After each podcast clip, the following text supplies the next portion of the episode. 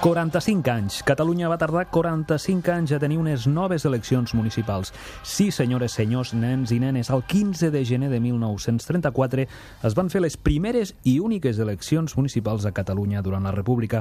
Després vam haver d'esperar fins al 3 d'abril de 1979. Però aquelles eleccions de 1934 per què destaquen? Doncs sí, hi ha una cosa. Electoralment i resumidament a tot el país hi havia dos grans blocs, la coalició d'esquerres i la coalició de dretes. Una, la d'esquerres, liderada per Esquerra Republicana de Catalunya, i la de dretes per la Lliga Catalana. Però si parlem comunicativament, hi ha un gir. Diari, revistes, la ràdio ja són mainstream total a la Catalunya de l'època. Però, però, però, les ments pensants de les coalicions d'esquerres i dretes coincideixen en una cosa, en multiplicar els mítings. Per què? per generar omnipresència. La disputa esquerres i dretes és fortíssima. No volen deixar cap ciutat, cap poble orfes d'ideologia, de calor humà, de suor d'aixella, d'aplaudiments patrocinats. A les eleccions de 1934, els mítings són el newsfeed de la comunicació política dels partits. Mítings a tot arreu i a tota hora. Els mítings són l'algoritme de la visibilitat. O míting o no existeixes. Un míting pot ser un munt de vots al newsfeed terrenal i diari del votant. Mirem les estadístiques.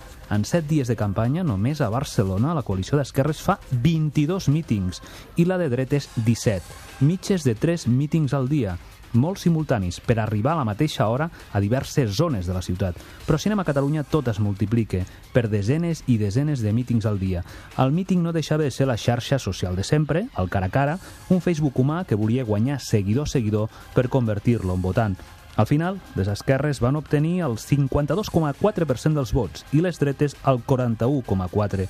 El perfil fragmentat d'una Catalunya urbana i una comarcal, un timeline tant de futur que fa que, en ple segle XXI, les eleccions es guanyin més que mai cara a cara, seguidor a seguidor, face to face. Doncs sí, mira, passa el temps i les tecnologies, però hi ha coses que queden. Gràcies, Xesco, com sempre, i ens retrobem d'aquí no res.